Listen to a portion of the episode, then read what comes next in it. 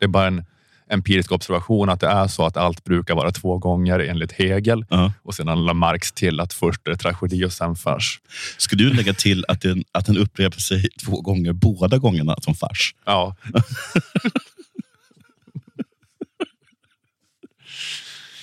Så um, nu har det i alla fall nu har det hänt i alla fall att eh, Brasilien har haft ett sånt här eh, försök till statskupp, eller Ja. vad man ska kalla det. Fast också extra töntigt att det var ungefär samtidigt, va? Alltså rent kalendermässigt. Ja, just det. 6 januari i USA, Ja. 8 januari nu. Vi kan höra vad det här. Det kommer ju fram allt mer om eh, personer som har liksom filmat sig själva när de bajsar och kissar i kongressen eller eh, som bara står i, i eh, såna här eh, landslagströjor och säger jag har plundrat kongressen. Så att, Här får man ändå, nästan ge han rätt, eller och både, både dig och, och Marx att det är kanske fars och ännu mera buskis.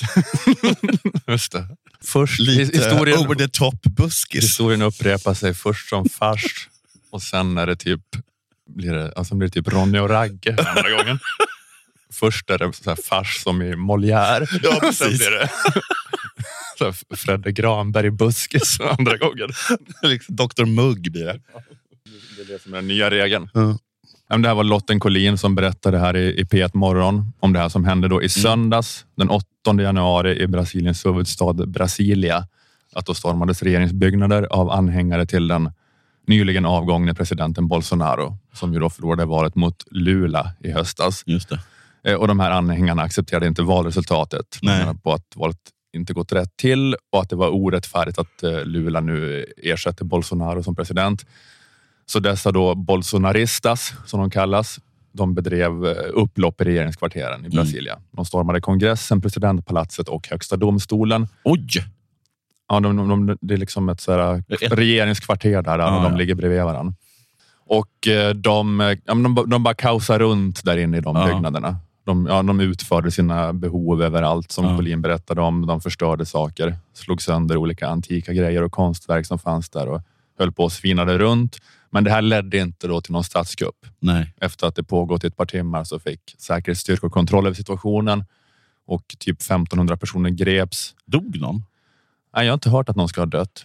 Det är inte mycket Eller jag har hört att en häst ska ha dött. Vad hemskt. Att de slog ihjäl en häst. Slog de ihjäl en häst? Ja, det var typ en ridande polis och så rev de ner, de rev ner den ridande polisen från Ja, bort, hästryggen. eller? Och, ja, de kanske lappade till polisen lite också. Ja, men sen så, så bara- bara, ja, de bara slog, Slog ihjäl slog en häst? ihjäl hästen.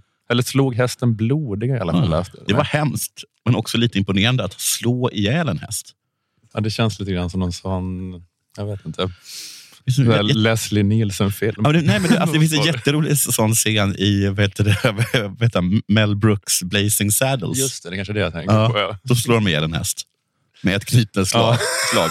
Och så ser jag att det var. Och det får man ändå säga, det var en fars. Men, Mm. men sagt en imponerande fars. Mm.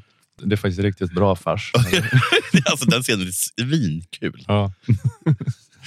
Man får, roliga, man får roliga, roligare bilder i huvudet av Brasilienstormningen av- än av Kapitoliumstormningen. För det är en liten viktig Petter som sitter ovanpå hästen också. Lite som polis. Ja, Hallå där! och, och håll inte på att revolutionera. Och så bara bang! Det här var ett litet smakprov. För att eh, lyssna på detta avsnitt, gå in och köp en prenumeration för endast 29 kronor i månaden på underproduktion.se stormens utveckling.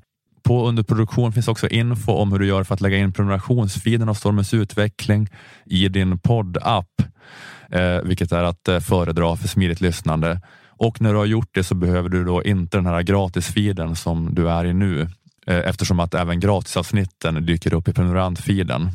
Och går du in på underproduktion.se appar så finns det eh, pedagogiska videoguider för eh, de olika apparna. Du kan välja vilken som är din favoritapp som du använder och så finns det en videoguide där för hur man lägger in prenumerantfiden prenumerantfeeden i sin poddapp där.